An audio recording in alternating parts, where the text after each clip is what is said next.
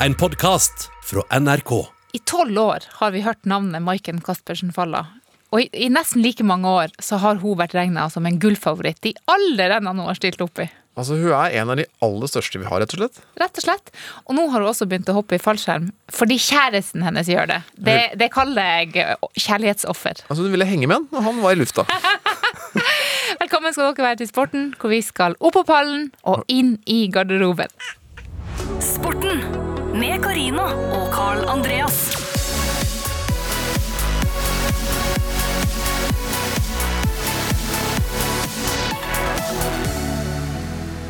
Maiken Caspersen Falla er altså vår gjest i dag. Hun skal ta oss eh, gjennom VM-et som hun akkurat har kommet hjem fra. Selvfølgelig tok hun en medalje til, Selvfølgelig.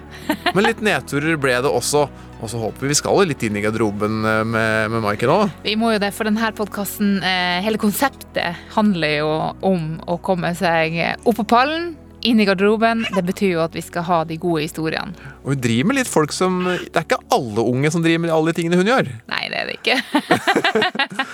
Anna er eh, med oss, og nå er hun veldig fornøyd. Da. Får, holder, blir du sånn, får, får du sånn vondt i armen av å rister på den risteleken hele Nei, tiden, eller? altså, jeg sitter litt sånn vridd her, så jeg får, og det er veldig viktig når man er født at man, eh, at man eh, utfordrer de her vridningsøvelsene, har jeg hørt. Ja, Pass på å ikke bli for høyrevridd, da, siden du har NRK. Er mange oi, oi, klage her. oi. Den var god! Der var du god, Karlan. Nei da, men Anna virker å være i godt humør, og den, den leken hun har, har fått, den er altså så morsom.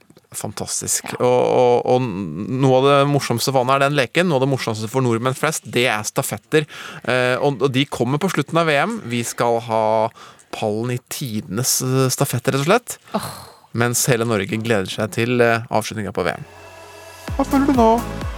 Og det er en skandale! Det er fiasko! Og da kommer tårene! Hva føler du nå? Ja, det er altså det store spørsmålet, og, og i en sportspodkast så hører det spørsmålet hjemme. Har du lyst til å svare? Jeg har det, og jeg har litt sånn splitta følelser, så jeg må egentlig bare si to korte ting. Ja. Eh, og så sier jeg det jeg, egentlig, det jeg egentlig skulle sagt først, det sier jeg sist i tilfelle du blir dritsur, for det tror jeg du blir. Så tar jeg det nummer to som nummer én. Eh, og det er for det er jo en kjent sak nå at, eh, at Tiger Woods var i denne bilulykka, ikke sant? Ja. Og, og det som skjer nå, er at skadene begynner å bli kjent. Ja. Så legen har nå, Han har en stor skade i det høyre beinet, og legen har nå begynt å liksom Eller andre leger, ikke de som er close, da, for de sier jo ingenting. Nei. Men andre leger har begynt å spekulere i om det er mulig å komme tilbake med sånne type skader. ja. Og det er ikke sikkert. Så det kan faktisk hende at tidenes største golfkarriere er over, at Tiger Woods ikke kan komme tilbake igjen. Og det er jo forferdelig trist, men bare for å si noe om hvor, hvor- stor betydning han har hatt. På den siste turneringa som nå var i, eh, over hele verden, altså både for kvinner og menn og seniorer, så gjorde de andre golfspillerne Veldig mange av de gjorde en spesiell ting. For det er nemlig sånn at Tiger Woods han startet med da han var ung. At for Golfturneringen er jo fire runder. Torsdag, fredag, lørdag, søndag. Ja. Alltid på siste runden så har han eh, noe rødt på seg. Og det er som regel en rød T-skjorte eller rød genser. ja. Alltid siste runden rød T-skjorte. Og og da på en måte litt overtroisk, da, ikke sant? Ja. Så det som skjedde nå i helga som var, var at eh, kvinnespillere på LPGA-touren, herrespillere på PGA-touren og seniorspillere, som det er jo de er også store i USA, veldig mange spilte med rød T-skjorte og svarte bukser for å hylle Tiger Woods. ja, det er deilig. Og, det kom, og da måtte til og med en skada Tiger Woods ut på Twitter og skrive at han ble rørt av alle støttemarkeringene, og at det, hjalp han å komme, det kom til å hjelpe han å komme seg gjennom dette her ved å se alle disse røde T-skjortene. Jeg må jo si at det, det, det er stort gjort, men det var ikke det du skulle hisse meg opp for. Nei, nei, for det kommer nå. For det kommer nå, for det Fordi du nå. må ha du, du, du klarer ikke å begrense deg du til én. Jo, men jeg syns liksom at det var liksom eh, det, Greia var jo at jeg, jeg hadde egentlig min mest spennende sånn VM-dag sånn i nordiske grener VM, fordi at det var en 15 km.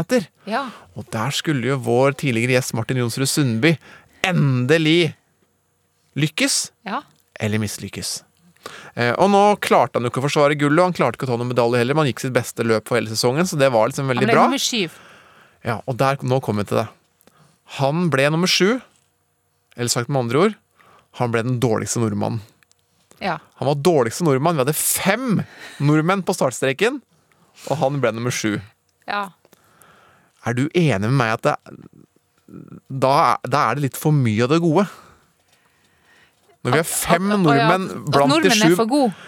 altså, Kjempeflott at nordmenn er gode, Ja. men jeg syns det hadde vært jeg, jeg håper da at det kommer enda flere løpere, enda flere nasjoner til. Ja. For, jeg, for meg merker jeg at det går en sånn grense at det mest spennende for meg da var Martin Johnsrud Sundby. ja. Og når vi er fem blant de sju, så blir det litt for mye av det gode. Jeg, jeg skjønner hvorfor du tror at jeg skulle hisse meg opp for det her. Fordi jeg elsker langrenn, og jeg elsker eh, gode prestasjoner. Og jeg, for meg betyr det ikke noe om det er fire norske som gjør de beste prestasjonene. Men det jeg har merka på meg Ja. sjøl gjennom det her mesterskapet, når vi, når vi får trippel norsk flere ganger, Ja. da kjenner jeg at jeg blir ikke like liksom begeistra hver gang. Eh, og nå ble det jo på den 15 km trippel eh, norsk, og, så var det et par russere, og så kom det to nordmenn igjen. Eh, det var helt sinnssyke prestasjoner på, den, på det skirennet, men men det er kanskje litt mye. Litt mye. Ja.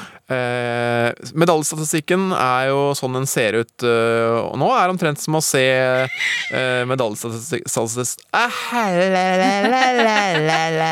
Medaljestatistikken i, eh, etter et VM på skøyter. Da er det Nederland som har tatt alt over toppen. Eh, og vi vet jo alle hvordan det har gått med skøyter. Så langrenn må passe litt på. Jeg tror kanskje, nå er, det her er kanskje en litt sånn brannfakkel, men jeg tror kanskje at langrenn kom, kommer ut av OL-programmet hvis det her fortsetter. Ja. Hva farsken skal vi ha langrenn på OL for hvis det er kun nordmenn og, og svensker og en eller annen russer som gidder å konkurrere? Nei, da kan du like gjerne ha det på lygna si. Kanskje. Men jeg elsker langrenn. Ja, og jeg kjenner jeg kjempeglad, jeg bare håper at det kommer. Derfor er det så bra når Sverige nå er bra, og Ja. vi må få flere land Og bare, bare for å lande det med Martin Jonsrud Sundby. Eh, han er dårligste nordmenn, men fy fader så godt det var å se han gå ordentlig på ski. Altså. Det var det mest spennende for meg. Ja, meg òg. Opp på pallen og inn i garderoben. Det her er sporten.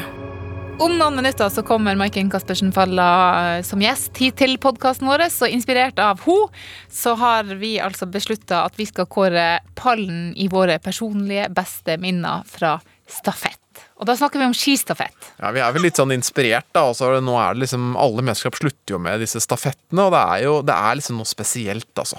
Det, altså, jeg har hatt så mange eh, opplevelser foran TV-en, og også på stadion eh, med stafetter. Det er ekstremt lite som slår det. Skal jeg, skal jeg fortelle deg eh, noe som er veldig rart? Dette er, dette, er, dette er liksom som å gå en tidsreise for deg som hører på. For eh, jeg er altså født i 1979. Det betyr at jeg gikk på barneskolen, Fredheim barneskole. Starta startet der jeg var i 1985. Ja. Så sånn rundt 1988 Jeg husker ikke hva slags mesterskap som var rundt, men rundt de tider, da. Det Thunder Bay altså 89. Nei, Ja. 91 var det Thunder Bay. ja, altså litt før det. Litt før det. Eh, da, når det skulle være herrestafett da, og kvinnestafett, tror jeg faktisk det var begge to, vet du hva vi gjorde på Fredheim skole da? Nei. Da samla de alle elevene på skolen, altså vi var rundt 200 stykker. Alle ble samla i en sånn aula, på en måte, sånn midt, det var egentlig et sånn åpent, stort rom midt på skolen. Alle 200 ble satt ned der, tett i tett i tett, med en liten TV, selvfølgelig sånn tjukk, halv meter tjukk, selvfølgelig. Type 28 tommer, da. Og så så vi på stafetten i skoletida. Ja. Det gjorde vi jo. Det tror jeg vi gjorde alle sammen før i tida. Det, det gjør man ikke lenger. Nei, jeg, jeg tviler på at, uh, at folk har fri. Jo, da, nå er det mange som har vinterferie, men, men eh, jeg husker også det. Alle, skis, altså alle skimesterskap som har vært på, i min barndom, har vi sett. Om, det var uansett om jeg var hjemme eller om jeg var på skolen. Men, men nå er det blitt så mange mesterskap at det, det har blitt bråk nå. Så, ja, da skal vi gjøre det på, på basket, og skal vi gjøre det på Nå er det jo faktisk Superbowl, så nå må vi se det òg. Ja. Og det om natta. Det hadde vært litt dumt å se den på skolen. Ja, men eh, nei, tenk på det. Men uansett. Da er vi klar for uh, Mesdames and Monsieur. Vi skal finne vår pall i eh, beste skistafetta. Ja. Jeg begynner med min kandidat nummer én. Ja. Vi skal til Pyeongchang i 2018. Man vet at dette er den siste mesterskapsstafetten til Marit Bjørgen. Hun er i slutten av 30-årene, hun skal gå siste etappen, og der eh, er det venta at hun skal bli satt på plass av verdens beste sprinter for tida, svenske Stina Nilsson. Det blir en rysere på siste etappe. Og nå begynner det virkelig å røyne på, for nå er det bånn gass opp de siste 30 metra til toppen for Marit Lukaba. Ja, nå må hun akselerere, men Stina Nilsson er så tett på. Hun er veldig, veldig tett på. Og Marit Bjørgen klarer ikke å akselerere noe voldsomt. Det blir ingen luke. Dette blir spurt. Dette blir, det var dette vi ikke hadde håpet på. Stina Nilsson kommer på igjen. Er bare sju meter bak nå. 150 meter igjen. Stina Nilsson er sliten, men det er også Marit Bjørgen. 100 meter inn. Inn på selve oppløpet. Det er 7-8 meter til Sverige. Marit. Bjørgen skal klare dette. Skal hun ikke det, da? 50 meter igjen nå. Jo da, det går. Marit Bjørgen slår Stina Nilsson, og Norge vinner sitt fjerde OL-gull i stafett. For en thriller, for en duell! Bjørgen slår Nilsson. Norge slår Sverige.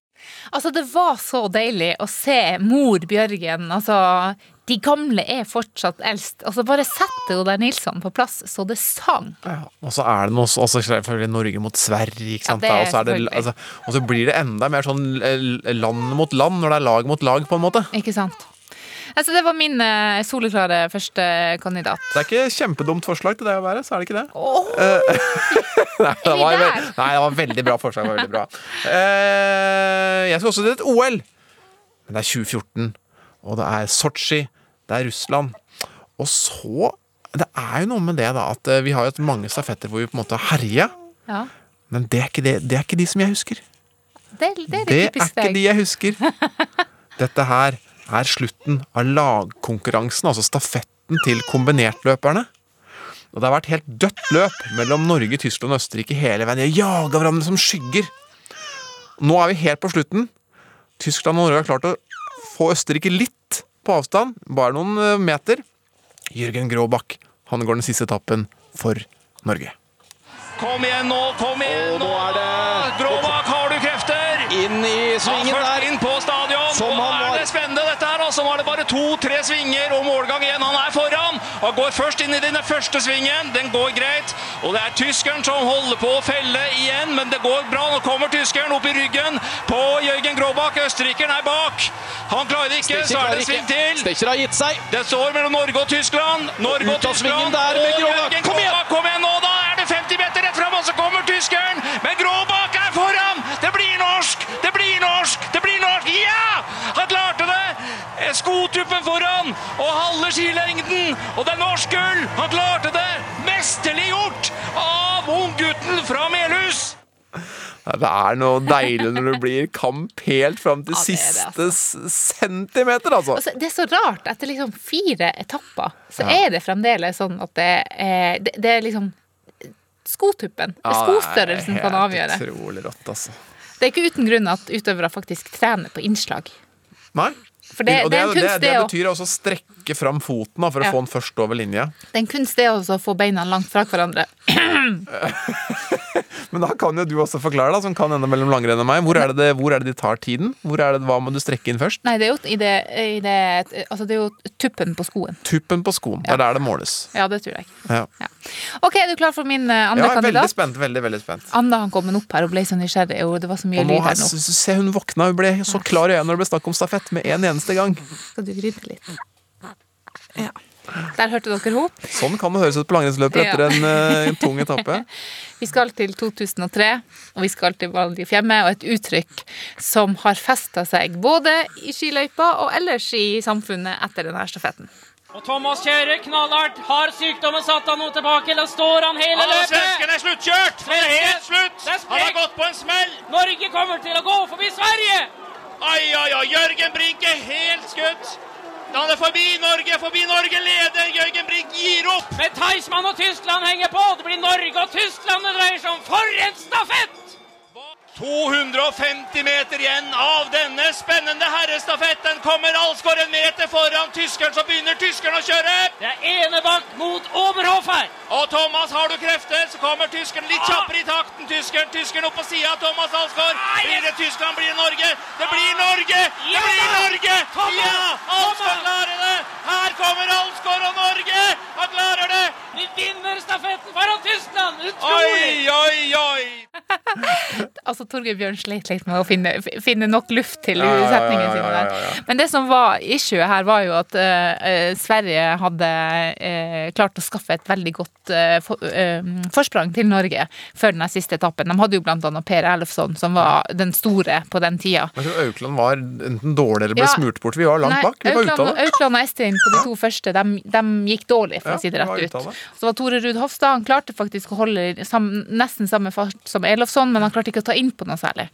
Og så kommer da Thomas, som går eh, kjempebra, men eh, man tror ikke at han skal klare å hente igjen Jørgen Brink. Nei. Men det også, går bra Anna. Han klarer å ta han igjen. Det går bra. Det sa bare pang for Brink. Og etter det så har man jo ta, sagt det at hvis man går på en smell og stivner helt, så tar man en, en Brink. Og det er litt urettferdig, fordi Jørgen Brink han tok bronse på femmila noen dager etter den stafetten. Oi, der smalt det i buksa igjen. det skiter vi i, for å si det sånn. Han, altså, han har aldri blitt eh, glemt for det der, eh, stakkars Jørgen Brink. Nei, han og han var det. en kjempegod langrennsløper. Han vunnet Vasaløpet masse ganger i ettertid. Så eh, det, han har jo også topplasseringer i verdenscupen i skiskyting. Ja. Han er ekstremt bra ut, u- utøver, men dessverre er det smellen i Valdefjemma han huskes for. Ja, det er det også. Det der, ja, det der er jo liksom det mest klassiske av alle, omtrent. Det var jo, og vet du, jeg, jeg husker faktisk en ting til som er veldig rart, for jeg tror det var et ganske spesielt oppløp der. For der, Istedenfor at de gikk med staver, så nesten helt inn mot målstreken, så gikk de sånn bare fløy med staven ut, for det var så nedoverterreng. Friskøyting Ja, friskøyting, ja. Fri, nesten som de dansa nedover der med stavene i lufta før de måtte stake helt, helt, helt på Ja. slutten. Ja. ok, det blir ikke lett nå, men det er altså et eh, forslag igjen her for å komme på pallen. Vi skal altså kåre 1, 2, 3, og så er det den som får en sur fjerdeplass. Jeg tror ikke det blir dette her, for dette er en stafett som har satt seg i minnet for de aller fleste nordmenn, til og med som opplevde det, nesten de som eh, ikke har opplevd det, for de har fått høre om det etterpå. Ikke sant? Han er fortsatt oppgitt for det som skjedde den dagen her. Eh, for det var nemlig sånn at Norge var storfavoritter selvfølgelig til å vinne stafetten. Vi hadde de fire beste løperne omtrent. Men så klarte vi altså ikke å kvitte oss med Italia. Ikke på den første etappen. Ikke på den andre. Ikke på den tredje. Men på den fjerde etappen da hadde jo Norge tross alt Bjørn Dæhlie. Den store kanonen, og han kunne jo gå fra hvem som helst. Men ikke når det var OL på Lillehammer i 1994, og han skulle gå mot Silvio Fauner. Og han italieneren, han dro ikke en meter, og jeg er irritert på han fortsatt.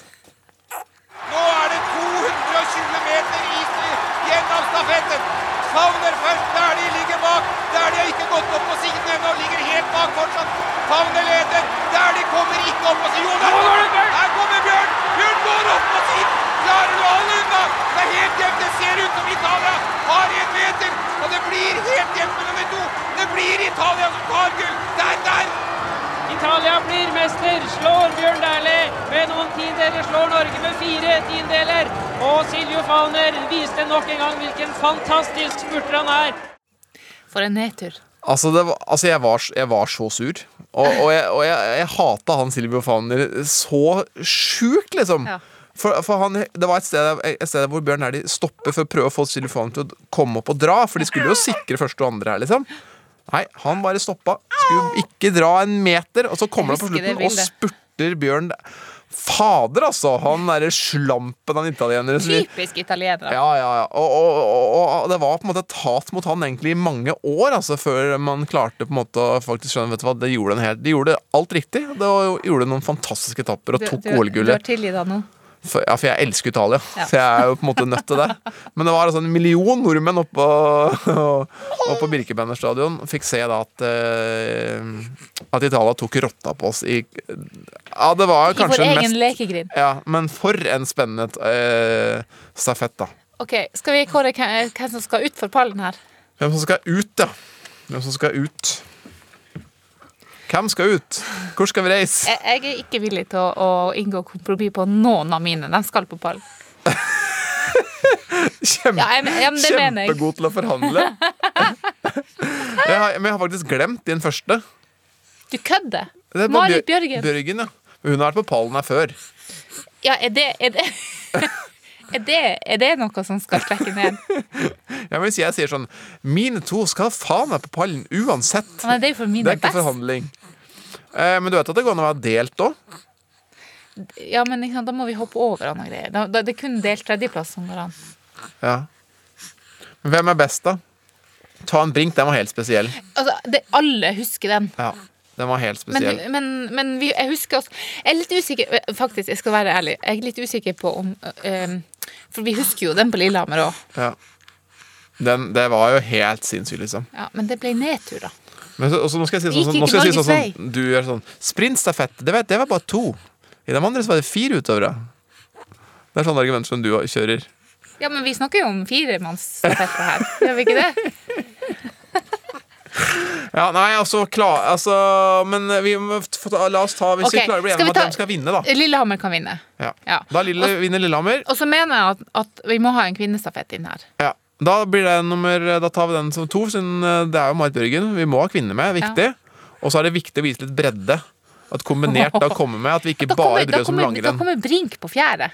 Ja, men, men tenk på han, da. Skal, vi, skal, vi, skal han bli enda mer kjent for den feilen? Eller skal vi være så snille at vi gir en fjerdeplass, så husker vi på han for det gode han har gjort, og ikke smellen? Hva du sier du nå? Ja. ja. Okay. Hun var enig. Ok, da. Gullmedaljen, tidenes stafett, er altså Mesdames et messieurs, médaillé d'or Ladies and gentlemen, gold medalist.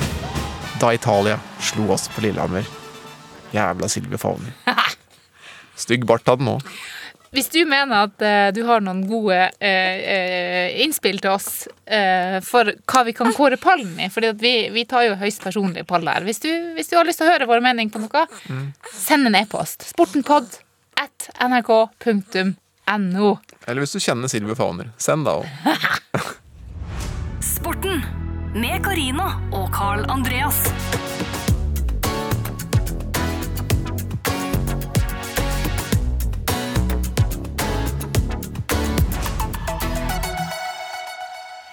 Direkte fra skogene i Elverum har vi nå en eh, fersk sølvmedaljevinner fra VM. Maiken Caspersen Falla, velkommen til deg. Tusen takk.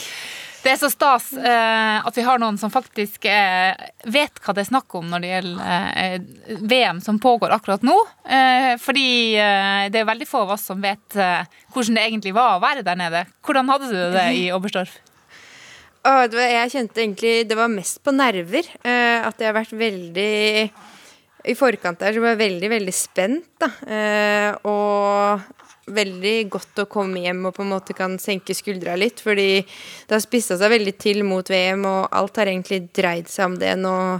Ja, de siste tre månedene så har vel hver dag vært fokus på VM og komme i best mulig form til da. Så eh, ja.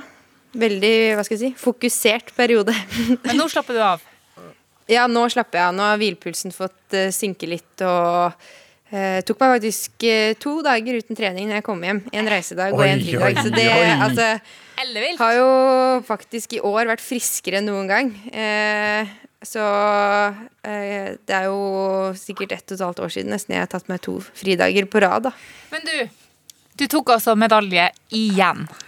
Hvordan eh, har det vært å leve eh, som toppidrettsutøver og være nevnt som favoritt i Hvor mange mesterskap er det egentlig du har vært favoritt i? Det er i hvert fall i ti-tolv år, føles det som. i hvert fall tatt medaljer da, i åtte mesterskap på rad. Altså, det er sånn, bare sånn, det er sånn som Dæhlie og Alsgaard klarte, liksom. Og nå, og nå har du på en måte også klart det. Hvordan har det vært? Altså, det har vært eh, altså, Man begynner å tenke seg litt om. Jeg tror jeg, tror jeg har vært i sju VM.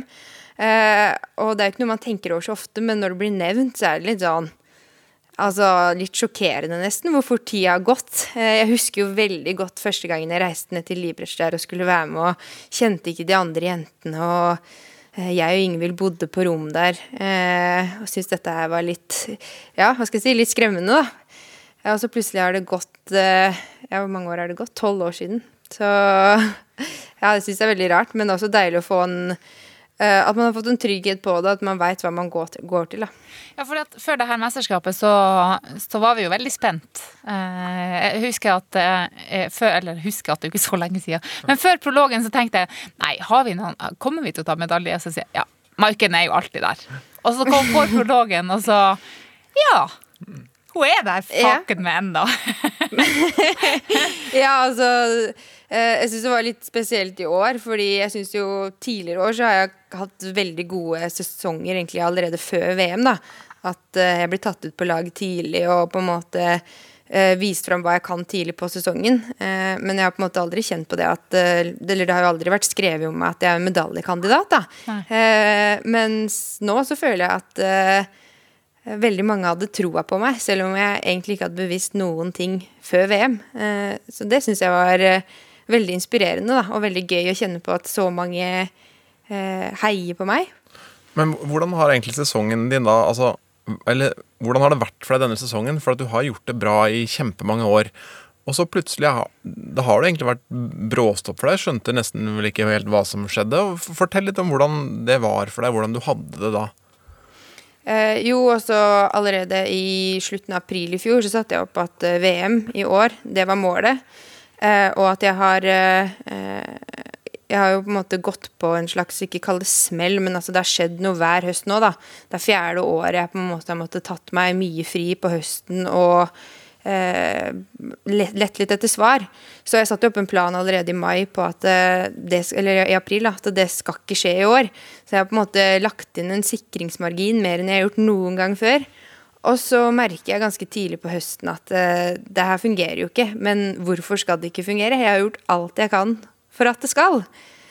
Så mm, det var jo litt sånn overraskende, og kanskje litt derfor jeg på en måte gikk såpass lenge og følte meg dårlig òg. Eh, siden jeg har gjort alt jeg kan for at det ikke skal skje i år igjen, da.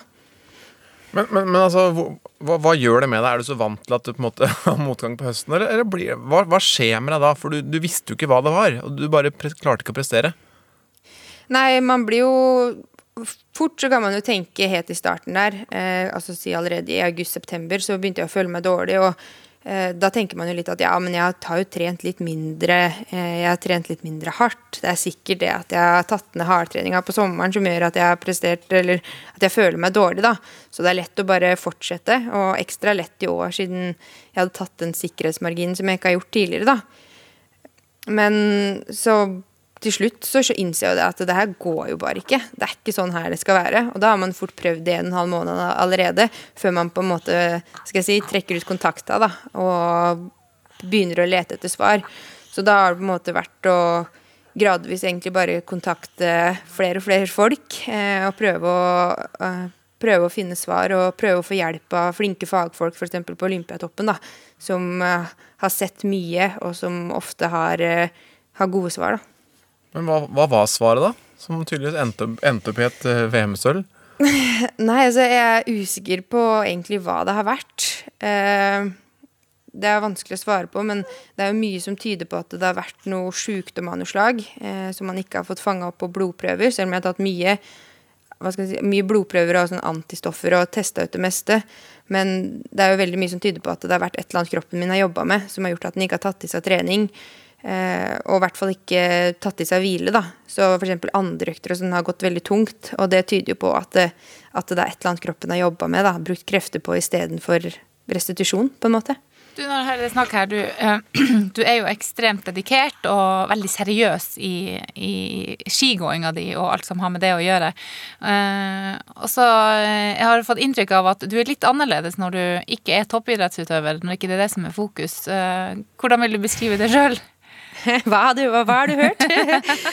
Eh, Nei, altså jeg føler jo i løpet av kanskje de siste åra så har man egentlig funnet en litt sånn av og på-knapp. At eh, jeg kan ikke være 100 toppidrettsutøver hele tida. Eh, at det blir eh, Ja, det blir tungt for både hode og kropp. At jeg trenger litt ting å koble av med. Og det at jeg kan eh, ja, jeg er nødt til å kunne ha litt, litt andre interesser og ikke være skiløperen absolutt hele tiden. Da. Hva gjør du da når du ikke er skiløper?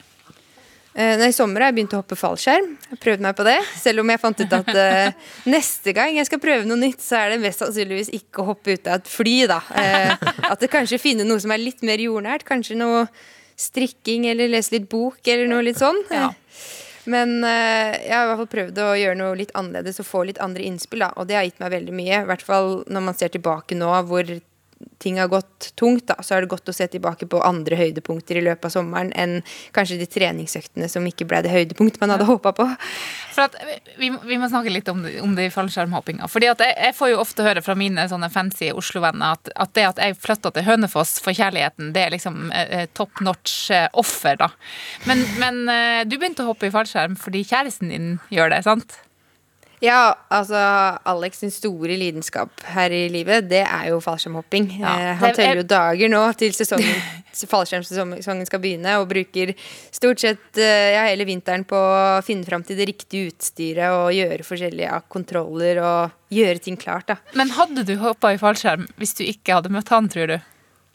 Nei, altså jeg visste ikke engang at det var en hobby man kunne ha. Jeg, jeg trodde kanskje det var litt sånn man drev med i Forsvaret eller noe, men at man faktisk kunne ha det som en hobby å drive med på helgebasis, det, eh, det hadde jeg ikke trodd. Men han gjorde det, da. Og så syntes han at det var så gøy og snakker så mye om det og sitter og ser på filmer og eh, ja, Så jeg måtte jo på en måte bare prøve, da. Finne ut litt hva ja, han liker å du holde på med. egentlig det? Ja, altså jeg vil jo gjerne ha med han på skiturer. Og han er jo, altså han er jo flink til å gå på ski, glad, til glad i å gå på ski, men samtidig så kjente jeg litt på det at jeg må jo på en måte Ja, det er jo litt for å bli bedre kjent med han, og også det at han er jo der så mye, at det skal vi ha noe tid sammen i løpet av sommeren. Så tenkte jeg at det var en fin ting å, fin ting å gjøre. Du vet, det er luft, luft og kjærlighet, vet du. Det er, Men du må fortelle om det der første hoppet ditt, da, for det hørtes ut som at du syntes det var litt skummelt. ja, jeg syns det var kjempeskummelt. Jeg. Altså, at jeg gjorde det i det hele tatt, eh, at og at det gikk bra. eh, Det første hoppet.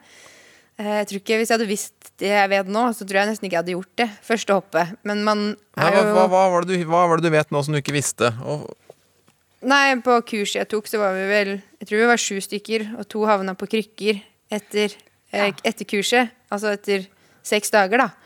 Eh, og det hadde jo vært veldig ugunstig for meg.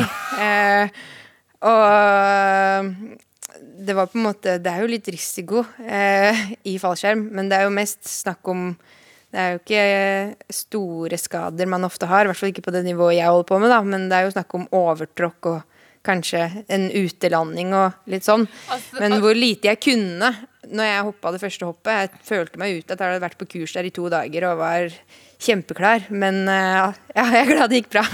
Men, men altså, for, for en ting er jo det å skade seg. Altså, jeg vil jo påstå, for jeg har hoppa tandem eh, i jobbsammenheng, eh, og jeg skal aldri gjøre det igjen, og jeg var helt sikker på at nå dør jeg. Eh, så at, eh, en ting er skader, men en, en annen ting er jo livet. ja, men samtidig så er det jo Det jeg syns er fascinerende med fallskjerm, da, det er jo at det er jo en Hva skal jeg kalle det? Kanskje en veldig enkel vei til veldig veldig, veldig mye glede. da Altså Den mestringsfølelsen man får. Altså Få inn en perfekt innflyvning, eller også få til noe i lufta. Om det er å ta en salto, eller om det er å eh, oh, Nå har jeg glemt alle uttrykka, men at du kan fly fram og tilbake, da, for eksempel. Eller altså at du får til noe nytt. En fin At du flyr, utgang av fly. Ja, at du får, føler at du får det til. Og så i tillegg, når du trekker skjermen og klarer å fly inn der perfekt og følge med på høydemåleren og lande på beina, så er det veldig sånn Det er jo ekstremt det er kort vei til mestring, da, eh, i forhold til f.eks. det å gå et skirenn, som krever ganske mye mer forberedelser og mer tid, egentlig. Men uh, nå skal ikke vi uh, skal, skal si, avslutte karrieren din, men jo, du har jo holdt på veldig lenge, og, og det er jo ofte sånn at vi spør uh, hvordan er, framtidsutsiktene dine? Tar, må du ta hensyn til fallskjermhopp eller ta hensyn til karrieren i lang tid framover? Eh, det veit jeg ikke. Altså, jeg har alltid på en måte tatt en vurdering etter sesongen. Eh, litt hva jeg skal gjøre videre, og hva som motiverer meg. Og i år var det uten tvil VM i Oberstdorf som motiverte meg veldig, fordi det var en løype som passa meg så utrolig bra. Men samtidig så må jeg være ærlig og si at den sesongen her har kosta ekstremt mye, da. Eh, både mentalt og fysisk med de utfordringene jeg har hatt, og med korona i tillegg. Så man må kjenne litt på om man ja, finner den indre gleden og motivasjonen som jeg vet at man må ha. Så ingenting er sikkert, men jeg håper jo at jeg skal, håper at jeg skal finne, finne ja, hva skal jeg si, motivasjon til å ta OL til, da. hvor, jeg, jeg bare lurte på det. Også bare sånn, det er samme, hvor, lang, hvor lang tid har du på deg før du må bestemme deg? på en måte? Altså er det, For du kan vel ikke ligge på latsida for lenge heller? OL er jo ikke langt unna. Nei, altså vi pleier jo å starte sesongen 1. mai, og landslagsuttak er jo tidligere enn det. Men jeg har ikke satt meg så veldig inn i det, egentlig. Jeg håper jo virkelig at jeg skal fortsette neste år, og eh, Jeg tror bare jeg trenger en liten timeout nå, og så summe seg litt og ja, finne ut eh, hva man kan gjøre, egentlig. Hvilke tiltak man kan sette i gang som man har troa på. Så får vi se. Men jeg vet ikke når limiten er, nei. Det vet jeg ikke. Men du har et prosjekt eh, som du uansett skal i gang med nå. Eh, bygge hus. Ja. Eh, hvor handy er du, eller skal du bare stå og delegere ansvar? Handy? Nei, jeg veit ikke. Jeg var sjuk i fjor høst, og da tok jeg og malte listene rundt vinduet. Ja. og det er kanskje det mest handy jeg har gjort. Jeg, så, altså, jeg har aldri malt før. Gjort veldig lite annet egentlig enn å gå på ski, da. Eh, så jeg vil si at det er begrensa, men jeg har veldig lyst til å lære meg litt. Og jeg syns det er veldig gøy å holde på med når man får det til, da, og du får det fint. Men eh, det spørs nok hvor mye jeg kommer til, ja. Hvor mye jeg får lov til å gjøre selv. Det tror jeg tror, tror det er en som setter en stopper for at jeg skal ta fram hammeren og begynne å snekre der. Det har vært et eh, spesielt eh, år for deg på mange måter, og også med korona også. Så, og det byr jo på litt nye utfordringer. Skjønte at du måtte Eller du tok tak, da. Stilte opp som eh, lærer for hjemmeskolen til datteren til kjæresten din. Ja, det var jo april, da. Jeg har fri og hadde ingen skirenn. Og eh, de måtte jo på jobb, hadde ting å gjøre, så da steppa jeg rett og slett inn som eh, lærer for første klasse. Det var eh, det var en fin utfordring. Hvilke fag underviste du i? Nei, hva gjorde vi? Vi tegna blomst, husker jeg. Eh, mye skriving og Ja, mye skriving og tegning. Og også gym er jo kanskje favorittfaget. da. Jeg lagde en hinderløype ute i hagen her. Det syns jeg var veldig morsomt. Eh, ja, og det føltes lenge siden. Men vi hadde noen veldig fine dager, da. Eh, og jeg angrer absolutt ikke på at, at jeg gjorde det. Så det, det, det pensum hadde du kontroll på, på en måte. Førsteklassepensum. ja. ja, jeg vet ikke. Men jeg lærte Altså, man lærer jo hele tida noe nytt, da. Men uh, det var ikke så mye lekser de hadde. Men jeg merka det at det var, det var mer enn nok at vi skulle lø gjøre i løpet av en dag. Og jeg hadde jo egentlig store planer om at nei, de leksene de gjør vi unna på morgenen, og så tar vi oss en skitur eller drar ut i skogen. Og jeg hadde veldig store ambisjoner om at vi skulle få til det i starten. Men uh, jeg innså ganske tidlig at, uh, at det går ikke. Altså, vi brukte Vi hadde mye friminutt. uh, og var stort sett ferdig med leksene sånn i, i tretida, da. Ja. Så da var det jo en time til, uh, til middag til Alex kom hjem. Så ikke det at vi satt med lekser hele dagen, det gjorde vi absolutt ikke. Men på en måte å holde på konsentrasjonen og sånn, det er ikke så lett for en førsteklassing, da. Så vi tok små små oppgaver av gangen. Er det, er det å eh, være lærer noe som du ser for deg at du kan holde på med om noen år òg? Nei. Eh, altså, jeg er veldig glad i barn og glad i å jobbe med barn. Jeg syns det er mye mestring der, og det er jo litt det man kan kjenne seg igjen fra skiløpertida òg. Men jeg ser kanskje for meg at eh, altså, da kanskje ikke helt lærer er helt rollen, men det å kunne bidra i rekrutteringsarbeid med ski, da, Eh, det er noe jeg har veldig lyst til, om det blir i Strandbygda eller om det blir eh, hva skal jeg si, på, mot, uh, mot, eldre utøvere, eller hva det blir, da, det vet jeg ikke, men på en eller annen måte så kommer jeg nok til å jobbe med barn og unge og, og skigåing, da. For at, Jeg har snakka med tvillingbroren din, han kjenner deg jo relativt godt. Han sier at du, ikke, du har ikke hatt en, en, eneste dag med ordentlig arbeid gjennom livet ditt. Nei! det syns sikkert han er veldig rart, for han har jo jobba hardt og hatt sommerjobber og sånn, mens jeg har liksom på et merkelig vis da klart å surfe gjennom fra jeg var ganske ung og ikke måtte jobbe. Så jeg har jo aldri hatt en hva skal du kalle det, hvis man kan kalle det en ordentlig jobb. Selv om ski er ganske altoppslukende, så er det ikke akkurat å Aldri vært på jobben åtte til fire, nei. Men, men, ser du for deg at den, den dagen kommer at Maiken Caspersen Falla skal på jobb klokka åtte og komme hjem klokka fire og lage middag? Eh, jeg kan ikke helt se det for meg, for det er ganske fjernt fra det livet jeg har nå, og det livet jeg har levd. Men det skjer vel dessverre med alle en gang, tror jeg. Og så håper jeg at jeg kan klare å tenke at jeg har vært heldig som har hatt den muligheten jeg har hatt nå, da, til å har jo fått ganske mange år av arbeidslivet til å gå på ski og dyrke hobbyen min, så man må jo se seg litt som heldig. Men det blir spennende å skulle være på jobb åtte til fire. Du ble jo langrennsløper, det vet vi jo alle. Men uh, du, du, kunne like gjerne blitt noe annet. Skiskytter, f.eks. Hvorfor ble det ikke det?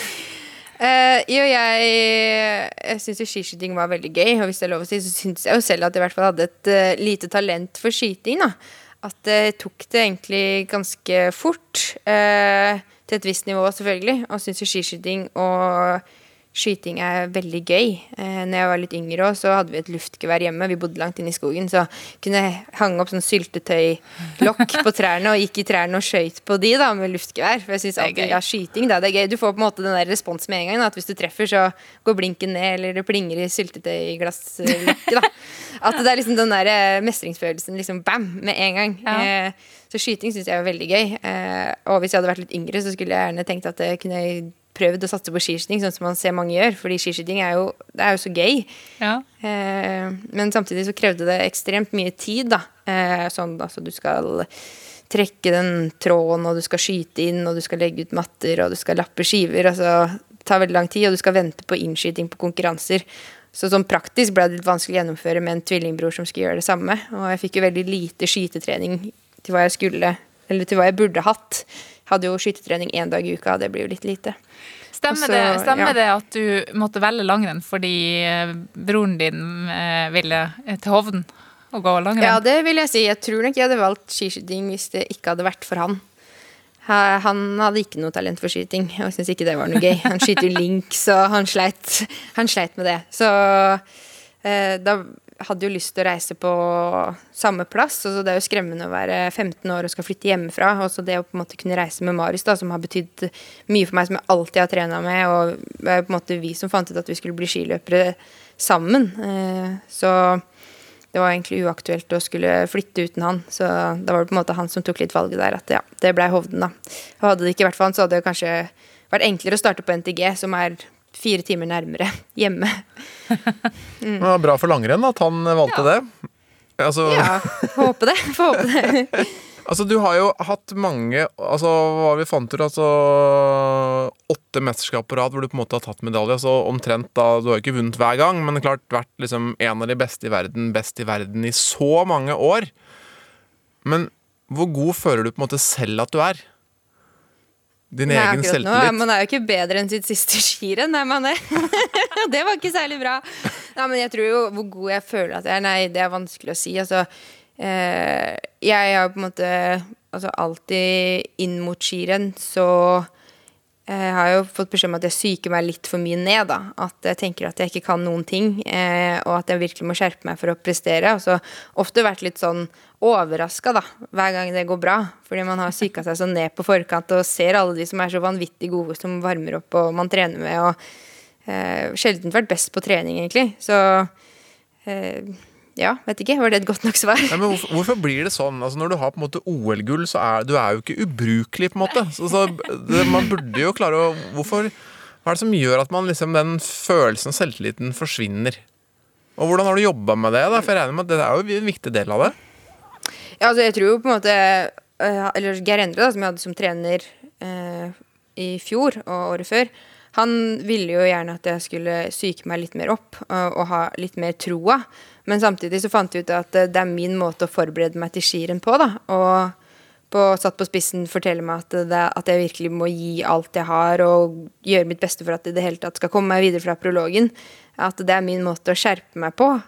Eh, men det hadde jo vært morsommere å gått i start og tenkt at eh, det her, liksom, dette her går bra, og dette skal jeg vinne, og det går helt fint, og null stress. Men ja, det er jo ikke sånn jeg er, da. At uh, det har kanskje fått meg til å skjerpe meg det lille ekstra. Og ja, man vet jo at hvis man tror det bare er å dra og hente gode plasseringer, det er det absolutt ikke. Uh, Så man må alltid være på og skjerpa. Så kanskje det er min måte å løse det på, selv om kanskje det hadde vært morsommere å gjøre noe annet. Tenke litt annerledes. Altså, de er, um, eh, Bjørgen og, og Johaug og andre utøvere har jo jobba mye sånn mentalt, uh, og, og har jo sett på seg sjøl som dyr.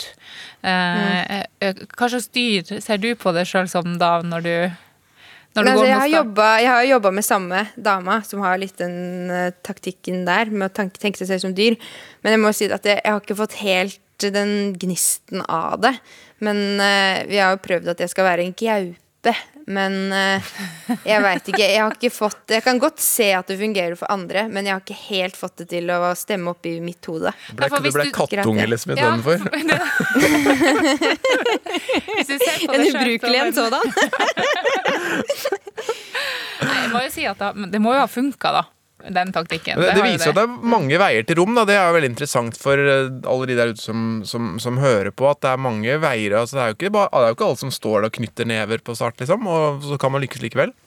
Ja, altså samtidig, man, altså jeg har jo selvtillit når jeg går til VM og når jeg går til start, at eh, jeg vet jo at jeg kan det her. Jeg sier jo til meg selv at eh, dette, kan, dette kan jeg, liksom. Det er jo det som er forberedelsen. Men samtidig så er det den at man veit at man må Ja, man må jo gi alt hver eneste gang, da. Hvert eneste stavtak. Altså på en sprint, det er rett ut hvis du har to, to feilskjær, da. Så ja, man må være skjerpa. Men når da konkurranse ut, kon, Hva heter det? Konkurranse Det står helt stille for meg. Instinkt er kjempebra. Takk skal du ha. Bra vi er to. Når det får slå til på ute i løypa, hva gjør du hvis du virkelig skal kose deg i det vanlige livet ditt, da? Hvis jeg skal kose meg Ja. mm, Nei, åh. En 200 grams plate sjokolade, kanskje? Ja, det er jo definitivt. Jeg tror faktisk en av mine, mine forser som skiløper er jo det at eh, som det som har gjort at jeg har klart å være med i så mange år, tror jeg det at jeg er veldig glad i mat. da. Det er glad i å kose meg med mat, glad i godteri. Og har et veldig avslappa forhold til det. Og med så store treningsmengder så er det jo ganske viktig å få i seg nok næring. Så jeg tror nok det har bidratt til at jeg har klart å holde meg på riktig side da, i så mange år. Det, det er så glad for å høre. Spis, spis mer godteri, så kanskje Ja. du blir god på ski. Men dere trener jo så mye at det må jo være veldig veldig vanskelig å klare å spise nok. Uh, jeg syns ikke det er noe stor utfordring. Det kan være selvfølgelig når du er på høydesamling i 14 dager, gå på det samme hotellet for den samme frokosten, sånn type at man blir rett og slett blir litt lei av mat. da Litt lei av de samme brødskivene tre ganger om dagen. Men eh, da er det jo egentlig ikke verre enn å ta fram for min del, da, ta fram smågodtposen, og så fyller man på med, fyller man på med det. Og det er jo både masse glede og eh, ja, kos og Ellers er det jo noe annet hun kan, hun kan ta fram. Vi har hørt noen rykter om at du elsker den store sjokoladeplata fra Firkløver. Hvor mange, hvor mange sånne blir det på et år? Nei, det vet jeg ikke. Eh, aner ikke. Eh, Men en kald firkløver er lite som slår det, ja. Helt Så tror jeg jo kanskje at lysten på altså, snop og godteri er jo Jo mer man trener, jo større blir jo den. Så, Kjenner til det. Uten sammenligning for øvrig i det hele tatt. Men uh. Ja, men jeg- Du er altså, på det er jeg stolt over. Ja, ja. Er det sånn 50 plater i året, liksom? Eller tror du? 50 plater i året. det er Nei, nå er jeg mye på samling, da. Da blir det jo ingen, ikke sant. Så da må man fall fjerne de ukene det er samling, da. Ja. Men du, hva med, hva med den der takka du reiser rundt med? jo, men jeg har ikke kjøpt den sjøl. Takk, jeg skjønte ingenting. Ja, nei, det har jeg. Jeg kan lage sveler og sånn, og jeg er jo eh, altså jeg, som sagt, jeg er glad i å lage mat. Eh, kanskje mest fordi jeg er glad i å spise mat. Ikke at jeg syns det er så morsomt å lage, men baker veldig ofte brød og sånn. Eh, rett og slett fordi at det smaker bedre enn det du kjøper på butikken. da og veldig hyggelig å kunne invitere. altså Nå har det jo vært korona og litt dårlige tider, men hvis det ikke er det, så er jeg jo veldig glad i å kunne invitere litt venninner på ja, sveler eller vafler eller kake eller noe litt kos. Ja, for Det er veldig koselig, og du snakker på en måte om det som det er verdens vanligste ting. Men det er ikke, kjenner, det er ikke sånn at alle jeg kjenner, har egen takke. Iallfall ikke dem under 60. Nei, altså, du, må nesten forklare hva, du må nesten forklare hva det er, da, for det, så alle veit hva dette her er, og hva man lager på det. Uh, jo, jeg har jo i hovedsak lagd sveler på det. Og en gang så lagde jeg noe lefsegreier. Så det er jo en slags stor innredning da, som kanskje tre ganger størrelsen av en stekepanne helt rundt, som du setter i stikkontakt, og så blir hele flata varm. Ja, Jeg har ikke noe bedre forklaring. Men jeg følte ikke det var så unaturlig. Og jeg har faktisk hatt den med på samling en gang. Ja. da kosa vi oss. Da ble det sveler, og, og, så skjønner jeg at du lager sånn smørkrem òg. Er du god på det? Uh, ja, jeg vil si jeg er ganske god på det. Det er ganske godt. Da har du sukker og melis og smør. Det er liksom og et tjukt lag med det. Da blir alle fornøyde. Så kan du sette fram bollen Kan du sette fram bollen i tillegg, og det er hos meg er det lov til å stikke fingeren oppi og smake. Altså. Altså, vi har jo hatt Ingrid Tandrevold på besøk, og hun sleit med å ha med seg veldig mye eh, bagasje. Så det var veldig tungt. Klart, når du har med deg takka di, så blir det noe kilo på, på det her. da. ja. Eh, Nei, det har jo bare skjedd én gang. Da hadde jeg hatt med på samling, men, og de andre jentene de ble glad for det, altså. Det skjønner jeg godt, men det var vel ikke Ja. Velsignalis du dro den med til? Nei, det var Lillehammer, så det var ikke så langt å dra. Men da har man plass i bagasjerommet. bare slenge inn takka i bagasjerommet. Det er helt, helt nydelig. Men jeg, Ja. jeg, vi kan liksom ikke avslutte denne praten før vi har snakka om musikksmaken din. Nei, jeg vet hva du skal si nå. Nei, jeg skal ikke si det. Du skal si det. Nei, altså man kan jo sjekke altså Spotify, hvilken sanger man har hørt eh, mest på i løpet av et år. Ja. Og da kom det opp uh, Staysman trenger Ja. en mann. det er så flaut at jeg sier det. Uh, men jeg, skyld, jeg har jo en unnskyldning. Jeg har jo selvfølgelig det. Alle, alle har jo Alle i hvert fall Ja, skiløpere har en god unnskyldning for sånne ting. Hva er unnskyldningen? Det er at jeg lagde en ny spilleliste Eller en ny spilleliste inni spillelista. Også den sangen som kom først. Det var den. Så hver gang jeg satt på den spillelista, så har da den sangen kommet på. Ikke sant. Men, Men, du, den er kul, ja. den, den er enda kulere med Maria Mena. Den, Ja, har, den har ja, faktisk ja, jeg ja. hørt på litt fram og tilbake i pendlinga mi. Det er sånn- det er ikke noe Herregud, Staysman er jo helt konge, da. Ja, jeg elska den nye versjonen. Den er så fin. Men vil du si at musikksmaken din er litt sånn uh, uh, guilty pleasure-prega? Ja, det var ikke meninga at NRK skulle komme og spørre om å se på hvilken sanger jeg hadde hørt mest på det siste, siste året. Eller som har gått. Det var en liten skrell. Men eh, ja, nei eh, Jeg hører på det som gir glede og energi, egentlig. Og som man gjerne kan synge litt med på selv i bilen. da. Kjører jo en del bil, så synge, synge litt Staysman, det har vel de fleste gjort. Absolutt. Ja. Maiken, eh, lykke til med husbygging og, forberedelser inn mot eh, NM og fallskjermhopping og alt mulig. takke og sjokoladespising og det meste. Du får komme på besøk og spise litt firkløver. da. Det virker som du har lyst på det. Ja. Og, og takke. Jeg er veldig glad for det, altså. ja. God saker sier vi, god, god saker sier vi aldri nei til.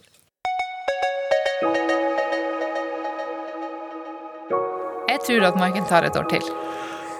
Ja, hun er nok frista av å på en måte legge opp, hun ser at det er liksom kos og liker seg med venner og familie. Men hun, hun har et eller annet spesielt i hodet, vet du. Og det ser man på statistikken når hun har tatt så mange medaljer i mesterskap. Nå er det et OL neste år. Du, du, du, du klarer ikke å skru av det Ikke sånn slipp- helt av seg sjøl. Ikke slipp på det, selv om han er blitt enn en så glad i å hoppe fallskjerm. Uff, Men du, det kan jo hende at vi snart får en, eh, en eh, god skiløper fra Danmark. Ja, vet du hva? Og helt kort, altså. Det er kommet altså en bakke som heter Copenhill, midt i København. Det er egentlig et forbrenningsanlegg, men de har bygd det som en slalåmbakke. Og nå har det kommet en type plast som gjør at du kan ploge, kjøre kortsvinger. Du kan kjøre på skjæret i Danmark! Jeg elsker å kjøre På kjøre på skjæret. Å kjøre på skjæret, den følelsen der. Å få til det er, vet du hva? Snart, snart er det dansk seier i VM. Da, da skal vi juble. Det blir kanskje i Anna sin tid. Jeg tror ikke det kommer i min tid. Nei, det tar nok litt tid, altså. Men fytti grisen, der fikk jeg lyst til å kjøpe et dagskort. Halvdagskort, i hvert fall. Halvdagskort. Ja, men det er kult det å dra på byferie til København, og så er det noe annet enn tivoli, liksom. Da kan man eller ta med seg skiposen. Copenhill. Copenhill. Copenhill. Du, eh, det nærmer seg slutten her, men vi må gi honnør til dem som fortjener honnør for at vi er kommet på lufta her. De må få både honnør og honnør, og det er altså Fader, teknisk jeg håper at ikke du skulle høre det. teknisk ansvarlig Ina Larald Brenna. Eh, Hun må få honnør, og så er det honnør til Geir Elle, som var eh, produsent.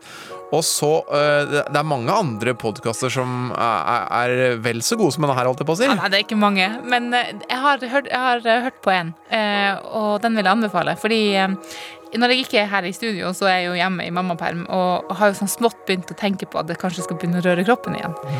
Og da har NRK lansert en, en podkast nå som heter Treningskompis. Det er masse kjente nordmenn som, eh, som er med der. Eh, Kristoff, eh, Helene Olafsen, vi har Birgit Skarstein som var gjest her for, en uke siden. Hun er med og gir sine beste tips til, til hvordan man skal trene. Og hun, og hun jeg tror hun skal snakke om sånn øvelse for folk på hjemmekontor, så det er kanskje greit å starte der.